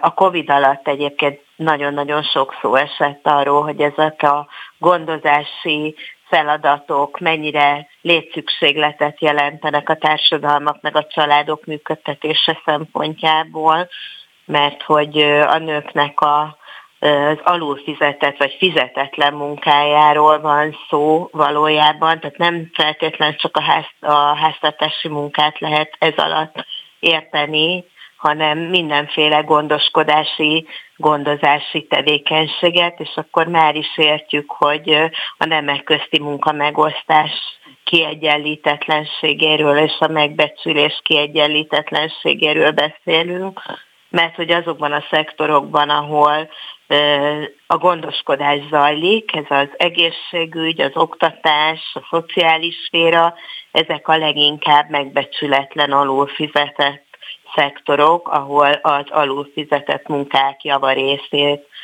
nők végzik vezetői pozícióban nagyon ritkán vannak nők, illetve inkább ha, ha vezetői pozícióban nők vannak, akkor ezekben a szektorokban találjuk a nőket, de alapvetően a társadalmi újraelosztásban ezek a munkák, az otthoni munkák és a gondoskodási tevékenységek, gondozási szektorok alul fizetetlenek. Egyébként a fogalomnak az értelmezésével kapcsolatban is nagyon sokféle álláspont van. A Jólét Alapítvány, amelyet 20 éve, idén 20 éve viszek, most egy törökországi projekt dolgozik, törökökkel együtt, és ők például, mint EU csatlakozás előtt álló országok egészen másként értelmezik a láthatatlan munkát, mert hogy a láthatatlan munkát fizetetlen munkaként is értelmezni lehet egyébként, és hogyha így nézzük, hogy milyen, hol van fizetetlen munkája még a nőknek, akkor láthatjuk, hogy a vállalkozási szféra egy részében, a civil szektornak gyakorlatilag egészében, a közösségek nagy részében ugyancsak fizetetlen munkát végeznek a nők, amik ugyanezek az ügyek szintén nem működnének a nők fizetetlen munkája nélkül. Úgyhogy, úgyhogy erről ez egy hatalmas téma, és azt gondolom, hogy a nemek egyenlősége szempontjából egy kulcs. Csak nálunk, vagy a világon mindenhol? Most ugye pont egy török példát hozott, de egyébként van olyan területe a világnak, ahol ezt teljesen elfogadott már, hogy van ez a láthatatlan munka, a megbecsülés az az egekben van. Ez egy általános tendencia, vagy azért van jó példa? Én nem török példát hoztam, hanem azt mondtam, hogy egy török projektben dolgozunk, és ott az értelmezés ebben a projektben jóval tágabb, és egyébként a világon máshol is tágabb tud lenni ez az értelmezés, ugyanis van egy csomó szektor, például az informális szektorok, ahol nem láthatók a nők tevékenységekben, mondjuk itt a fekete gazdaságra, szürke gazdaságra gondolunk, ezekben is nagyon sok esetben alulfizetett munkakörökről van szó, amit tömegével végeznek nők, úgyhogy tényleg tág az értelmezés. A kérdésére válaszolva, a láthatatlan munka, az otthoni gondoskodási feladatok megosztásának kérdése az egész világon problémás. Vannak társadalmak, ahol törekednek ennek a kiegyenlítésére a nemek között, elsődlegesen mondjuk a szülői szerep megosztás kiegyenlítése területén járnak élen a skandináv országok, de ettől függetlenül a fizikai, érzelmi gondoskodási tevékenységek gyakorlatilag mindenhol a nőkre hárulnak a világon. Erre épül egyébként a teljes patriarchális világrendszer, ezt azért érdemes látni, hogy ahhoz, hogy egyáltalán reggel bárki el tudjon indulni iskolába, munkába, a háztartások, családok többségében ezeket a tevékenységeket, a reprodukciós tevékenységet, a társadalom működtetésének tevékenységeit a nők végzik túlnyomó rész. Létezik már egy olyan fogalom például, hogy főállású anyaság. Ez ez, ez egy elismerése igazából azoknak, akik három gyermeket nevelnek? Mondjuk, hogyha anyagilag kérdezem, biztos, hogy nem, mert 20 pár ezer forintos támogatásról van szó, hogyha jól látom, de legalább van ilyen fogalom. Hát nézd, szerintem válaszolt is a kérdésével arra, hogy ez megoldás-e. Nyilvánvalóan azok a, azok a nők, akik nagyon sok gyerekes családot működtetnek, a munkaerőpiac fogadókészsége miatt is, meg egyáltalán a társadalmi hozzáállás miatt is sokkal nehezítettebb körülmények között tudnának gazdasági kereső tevékenységet folytatni. Egyébként a legkisebb gyermek 8 éves koráig jár ez a 28.500 forint, ami 2008 óta változatlan összegű a gyeshez hasonlóan, ez egy iszonyatos gazdasági kiszolgáltatottság a nők számára, és semmilyen értelemben nem kompenzálja azokat az erőfeszítéseket, leginkább nem élethoztiglan, nem kompenzálja azokat az erőfeszítéseket, amiket beletesznek a nők ezekbe a munkákba, és hogyha lejár a főállású anyasság a hosszú-hosszú inaktivitás évei után, sokkal nehezebb a munkaerőpiacra való visszatérés, sokkal a képességeiknek képest sokkal nehezebb lesz megfelelő munkát találniuk, vagy ha találnak kis munkát, olyan jövedelmi hátrányjal startolnak, ami aztán a nyugdíjszakadékokban is megmutatkozik. Keveházi Kata, a Jólét Alapítvány esélyegyenlőségi szakértője. Köszönöm szépen. Köszönöm. Friss hírek, információk, beszélgetések. A Spirit FM reggeli műsora. Indítsa velünk a napot, hogy képben legyen. A műsorvezető Vogyerák Anikó. Összesen már több mint 4 millióan menekültek el Ukrajnából a háború elől, közülük Magyarországra eddig közel 400 ezeren érkeztek. Fiatal önkéntes szakemberek a menekültek megsegítésére létrehozták a Help Hub platformot, mely non-profit alapon kereshető módon gyűjti össze a felajánlásokat. Vendégünk Nagy Gábor, a Help Hub alapítója. Jó reggelt kívánok! Szép jó reggelt! No, mi ennek az online térnek a lényege?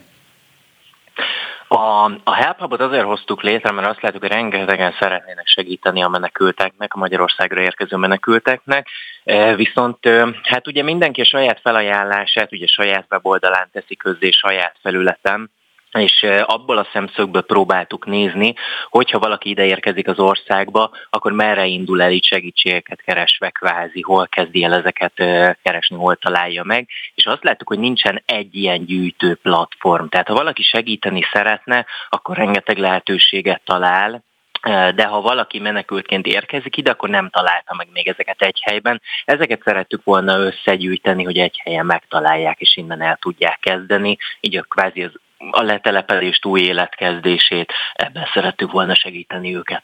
No, mi mindent találnak ezen? Hogy működik ez a gyakorlatban? E, úgy néz ki, hogyha valaki megnyitja az oldalt, cím az helphub.hu, vagy helphub magyarosan mondva, e, különböző kategóriákba gyűjtöttük a felajánlásokat. Tehát lehet találni ami közös mindegyikben, hogy hosszú távra szólnak, tehát hogy ez akkor segít, főleg ha már megvan ugye az a, esetleg egy átmeneti szállás, kaptak már élelmet szerencsére, de hosszabb távra keresnek már szállást, elhelyezkednének itthon, a gyermekeket ugye új iskolába iratnák be, Magyarországon, tehát felmennek az oldalra, megnyitják, és akkor látják a különböző kategóriákat. A lakhatás kategóriánk van, munka, egészségügy, oktatás, és minden más, ami még, tehát egy egyéb kategória, ami még hasznos lehet, jogi segítség esetleg, közlekedésben támogatás, tehát minden ilyesmi, amire szükségük lehet ahhoz, hogy új életet tudjanak itt kezdeni. Van-e már tapasztalat, hogy mi az, amire a legtöbben klikkelnek, vagy ami a legnagyobb segítség? Leginkább most a hosszú távú lakhatás, amit láttuk, hogy elkezdtek keresni. Tehát úgy láttuk, hogy az elmúlt hetekben ugye az átmeneti szállás volt a legfontosabb, hogy találjanak alkalmi, valamilyen alkalmi szállás lehetőséget, és ha az már megvan, akkor utána nagyon sokan keresnek egy hónapra, fél évre, esetleg a háború végéig legalább, e, tehát most ez, ami, ez amit látjuk, hogy nagyon-nagyon sokan keresnek, utána ugye munkával kapcsolatban. Van, akit szerencsére át tudott vinni ugye a saját cége, ahol dolgozott, esetleg egy másik országbeli e, a másik országbeli központba, eh, de van, akinek teljesen új munkát kell keresni a Magyarországon, tehát ez az, amit láttuk, hogy most elég sokan felmerül, eh, illetve az egészségügy kapcsán láttuk, hogy akinek valamilyen komolyabb betegsége van, tehát is sokaknak inzulinra van például szüksége, eh, van a sajnos komolyabb beteg, van, aki komoly, komoly beteg, és valahol folytatnia kell az eddig kapott kezelését, tehát ezek láttuk, hogy egyre több ilyen kérés fut be, és találnak szerencsés segítséget az oldalon. Van még hova fejlődni, fejleszteni? Van olyan rész mondjuk, ami, ami közben derült ki, hogy ez még érdekes lehet? Hát elsősorban nekünk a, a, a csapatunk önkéntes alapon dolgozik a, a, az oldalon, ami óriási segítség lenne, még olyan segítség, hogy ki az, aki tud segíteni nekünk rendszerezni a felajánlásokat. Tehát szerencsére egyelőre több felajánlás van E, mint amennyi kérés beérkezik. Ezeket próbáljuk folyamatosan rendszere, rendszerezni, feltölteni az oldalra, ami nagyon fontos, hogy angolul és ukránul is elérhető az oldal. Tehát sok hasonló segítő oldalon nem találtunk például ukrán nyelvű verziót, ami esetleg létrejött. Nehéz volt így eligazodni, tehát szerencsére itt azt látjuk, hogy nagyon-nagyon erős a segítő szándék az országban, mindenki szeretne valami jót tenni, és egyelőre több felajánlás van, mint ami segítség érkezik. Hogyan értesülhet, világos, hogyan értesülhetnek róla azok, akik rászorulnak erre? Tehát van mondjuk, Egyelőre. nem tudom, ahogy a határt átlépik, szólnak nekik, hogy létezik egy ilyen? Szerencsére ez is, erre is már van lehetőség. Kapcsolatban állunk különböző segítő szervezetekkel. Az egyik például a, a, az ukrán önkormányzat, akik tevékenykednek itt Budapesten, és gyűjtenek például adományokat, és viszik el a határhoz. Tehát ahol például akikkel fel tudtuk venni a kapcsolatot, és fogadják a határon az érkező menekülteket, tudják ők is ajánlani az oldalt, mint egy kiinduló pontot a hosszú távú segítségkeresésben, illetve ami ami nagyon jól működött, a különböző Facebook csoportokban is jelen vagyunk, és figyeljük, hogy ahova a menekültek maguk írnak be, akármilyen nyelven, igazából szerencsére van rengeteg fordítóprogram, hogy tudjuk ezt úgy is kezelni, ha valaki a mm. csapatunkból nem beszéli a nyelvet, de hogy közvetlenül a segítségeket figyeljük, hogy ki mit ír be, mire van szükség, és akkor igyekszünk pont azt a segítséget linkelni az oldalon, vagy, az egész, vagy egy egész kategóriát, hogy onnan tudjon válogatni több opció közül is, tehát így direktben felvenni velük a kapcsolatot kapcsolatot. Próbáltuk egyelőre a bokcsarnokkal is e, valahogyan felvenni a kapcsolatot, hogy ott esetleg tudnánk-e fogadni mi is valahogy a menekülteket. Ez egyelőre még nem sikerült sajnos, de próbálkozunk vele. Nagy Gábor, a Help Hub alapítója, nagyon szépen köszönöm, hogy a rendelkezésünkre. Köszönöm a lehetőséget. Böngésző. Mivel foglalkoznak a vezető internetes portálok? Hogyan találnak egyes híreket? Mire kattintanak a legtöbben? Böngésző. A Spirit FM reggeli műsorának online lapszemléje. Címlapsztorik, értekezések, izgalmas információk. Böngésző.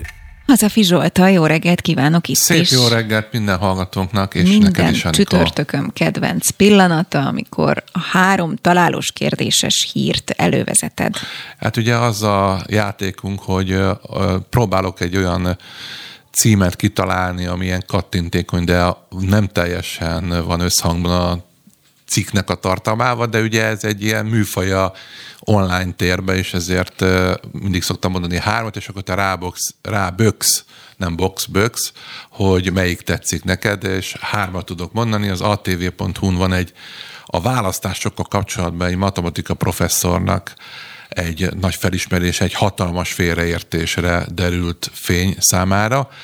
Van egy olyan hír a 24.hu-n, ami arról szól, hogy hogyan lehet stresszmentes munkát találni, ahol nem nagyon értéges stressz, és van egy olyan hír a naphíre.hu-n, amely arról szól, hogy ha a Városligetbe kutyával sétálsz, mire figyelj oda. Na, kezdjük ez utóbbival. Az, a, az egy szomorú hír, a Városligeti tóban az összes arany, aranyhal elpusztult. De miért? Úgy néz ki, hogy megmérgezték őket. Ráadásul ugye az a sajátossága van, hogy a Margit-szigeti japán kertben levő tóból, és áthelyeztek oda teknősöket és Jaj. aranyhalakat, tehát hogy elég sok hal volt, és elég sok élőlény, és hát valami oknál fogva elpusztultak, nagyon attól tartanak, hogy megmérgezték őket, viszont ugye a kutyák esetében ez veszélyes tud lenni, ha ik egy olyan aranyhalat, amely meg van mérgezve, akkor a megmérgezett aranyhalba levő méreg az a kutyát mérgezi meg. Tehát, hogy aki arra jár, az vigyázzon a kutyájára. Na, akkor kérem az ATV-s hírt. Az ATV-s hírt? Tehát, hogy egy hatalmas félreértésre derült fény. Mérő László író, matematikus és pszichológus professzor szavazatszámlálónak állt a választások Igen, alatt, erről olvastam. és azt gondolta, hogy vidéken hát csalásokra, meg ehhez hasonló dolgokra rá találkozik, és ehelyett azt írta, hogy legalább 20 ezer emberben dölt meg az a mese, amivel mi pesti agyunk át lett mosva, hogy vidéken sötétség, tudatlanság, agymosás és csalás honol. Valóban ta- tarolt a Fidesz, de azt tapasztalta, hogy nem azért, mert hogy sötétek lennénk az emberek, és azt írta a, a mérő úr, hogy a maga részéről nem szerette meg a Fideszt, nagyon sok dolgot nem tud nekik megbocsátani, viszont megszerette a, és megértette a vidéki embereket, azt a világot, ami a többséggel a Fideszre szavazott. Tehát ez egy nagyon érdekes történet, hogy én örülök, hogy vannak ilyenek, mert így a, szerintem egy választási ö, csata után mind a győzteseknek, mind a veszteseknek jó a nagy vonalúság, és jók azok a történetek, amelyek a, a választási kampányban az egymást folytogató, meg az egymásnak beszóló dolgokat egy kicsit elkezdik simítani, azért csak egy országban élünk, és tök jó, hogyha ilyen pozitív hát és ráismerések vannak, hogy azért itt minden oldalon nagyon sok értelmes ember van. Hozzá csatolnék ehhez egy mondatot. Ma reggel olvastam Somogyi Zoltán oldalán, aki egyébként ugye a politikákapitának a szociológusa, hogy összesíteni egy mondatban egyébként az ellenzéki szavazatszámlálók tapasztalatait, amelyeket egyébként Szabolcs már Bereg megyei tagok beszámolói csoportban és máshol is olvasott. Nem volt itt semmilyen csalás, nagyon kedvesek és szeretettel teli emberek a fideszes szavazatszámlálók, az ellenzék egyszerűen nem volt jelen a választókörzetben. Igen, ő igen. ezt így összegezte. És van egy 24 pontos hír. No, gyerünk hír. gyorsan, hogy Ugye vannak olyan igen. emberek, akik nem tudom, neked voltál már olyan, hogy volt egy olyan ötletet, hogy most eleged van Magyarországból, eleged van az emberekből, Soha. stresszmentes munkáját. Na, a, egy brit jótékonysági szervezet szerintem egy állomállást ajánl, öt hónapot kéne az antarktiszi nyár alatt postásnak menni Antarktiszra, ami az azt jelenti, hogy... Az antarktiszi egy... nyár, ahol ott már csak mínusz 40 van? Vagy? Hát azért az már lehet, hogy már klímaváltozás miatt már talán csak mínusz 20. A sztori lényege, hogy van egy postahivatal, nem nagyon kell kivinni ö, különféle küldeményeket, ellenben rendet kell tartani, takarítania kell, takarítani, és meg kell számolni a pingvineket. Legjobb. Tehát, Tegnap ne... voltam állatkertben egyébként, megnéztem Sanyit. Ki az a Sanyi? Mi a... Esküdj, hogy ezt a kérdést feltetted. Sanyi az elszökött pingvin. Ja, igen, igen, igen, a Madagaszkár És most már külön, külön ilyen izé, nem tudom, ki, ki van téve, Tényleg, persze, hogy, hogy Sanyit, hogyha keresed, akkor úgy ismered meg, hogy lila, sárga, nem tudom, mi van a kis szárnyám, mert nyilván mindenki Sanyi fán, és aki elmegy az állatkertbe, Sanyit keresi. No, szóval a pingvin számlálásról ennyit.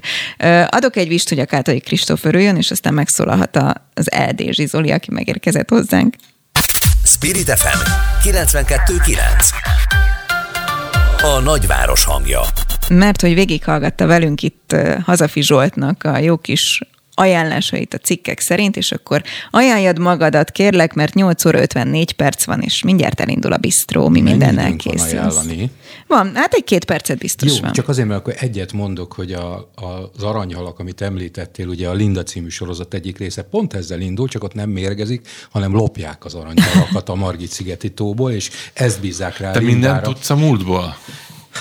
A legnagyobb retro király, akit valaha ismertem. Jó, jó, de ezt hogy kapcsolod hozzá a mai bistróhoz? Kérlek szépen, eh, mi is volt a téma? Margit, ja, de hogy ne tudnám, hát a Margit-szigeti tóban mi van? Víz van. És eh, honnan szálltak fel ma száz éve az első repülőgépek, amelyek szervezetten szállították az utasokat a vízről, a Dunáról, mert hogy születésnapja van a belföldi szervezet szállításnak, mégpedig száz éves Azt születésnapja. Nem sem, nem Bármit bármivel át tud kötni, zseniális. És eh, ha hiszitek, hanem hidroplánok voltak ezek, tehát ez a két talpú, ami leszállt a Dunára, felszállt a Dunáról, valahol ott a parlamenttel szembeni oldalon volt a mondjuk így repülőtér. Úgyhogy az első száz évről fogunk majd beszélgetni Kránic Balázsjal a belföldi repülés történetéből, de olyan dolgokat is kiemelünk ma, mint például ma 52 éve, lopta el Zoboki Sándor, a magyar néphadsereg MiG-15-ösét, és ezzel Olaszországba menekült.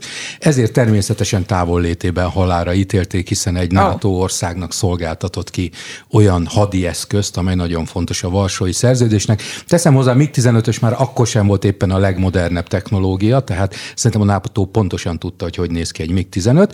Zoboki egyébként soha többé nem tért haza, hova lett, mi lett vele, és nem ő volt az egyetlen vadászpilóta, aki így szökött meg Magyarországról.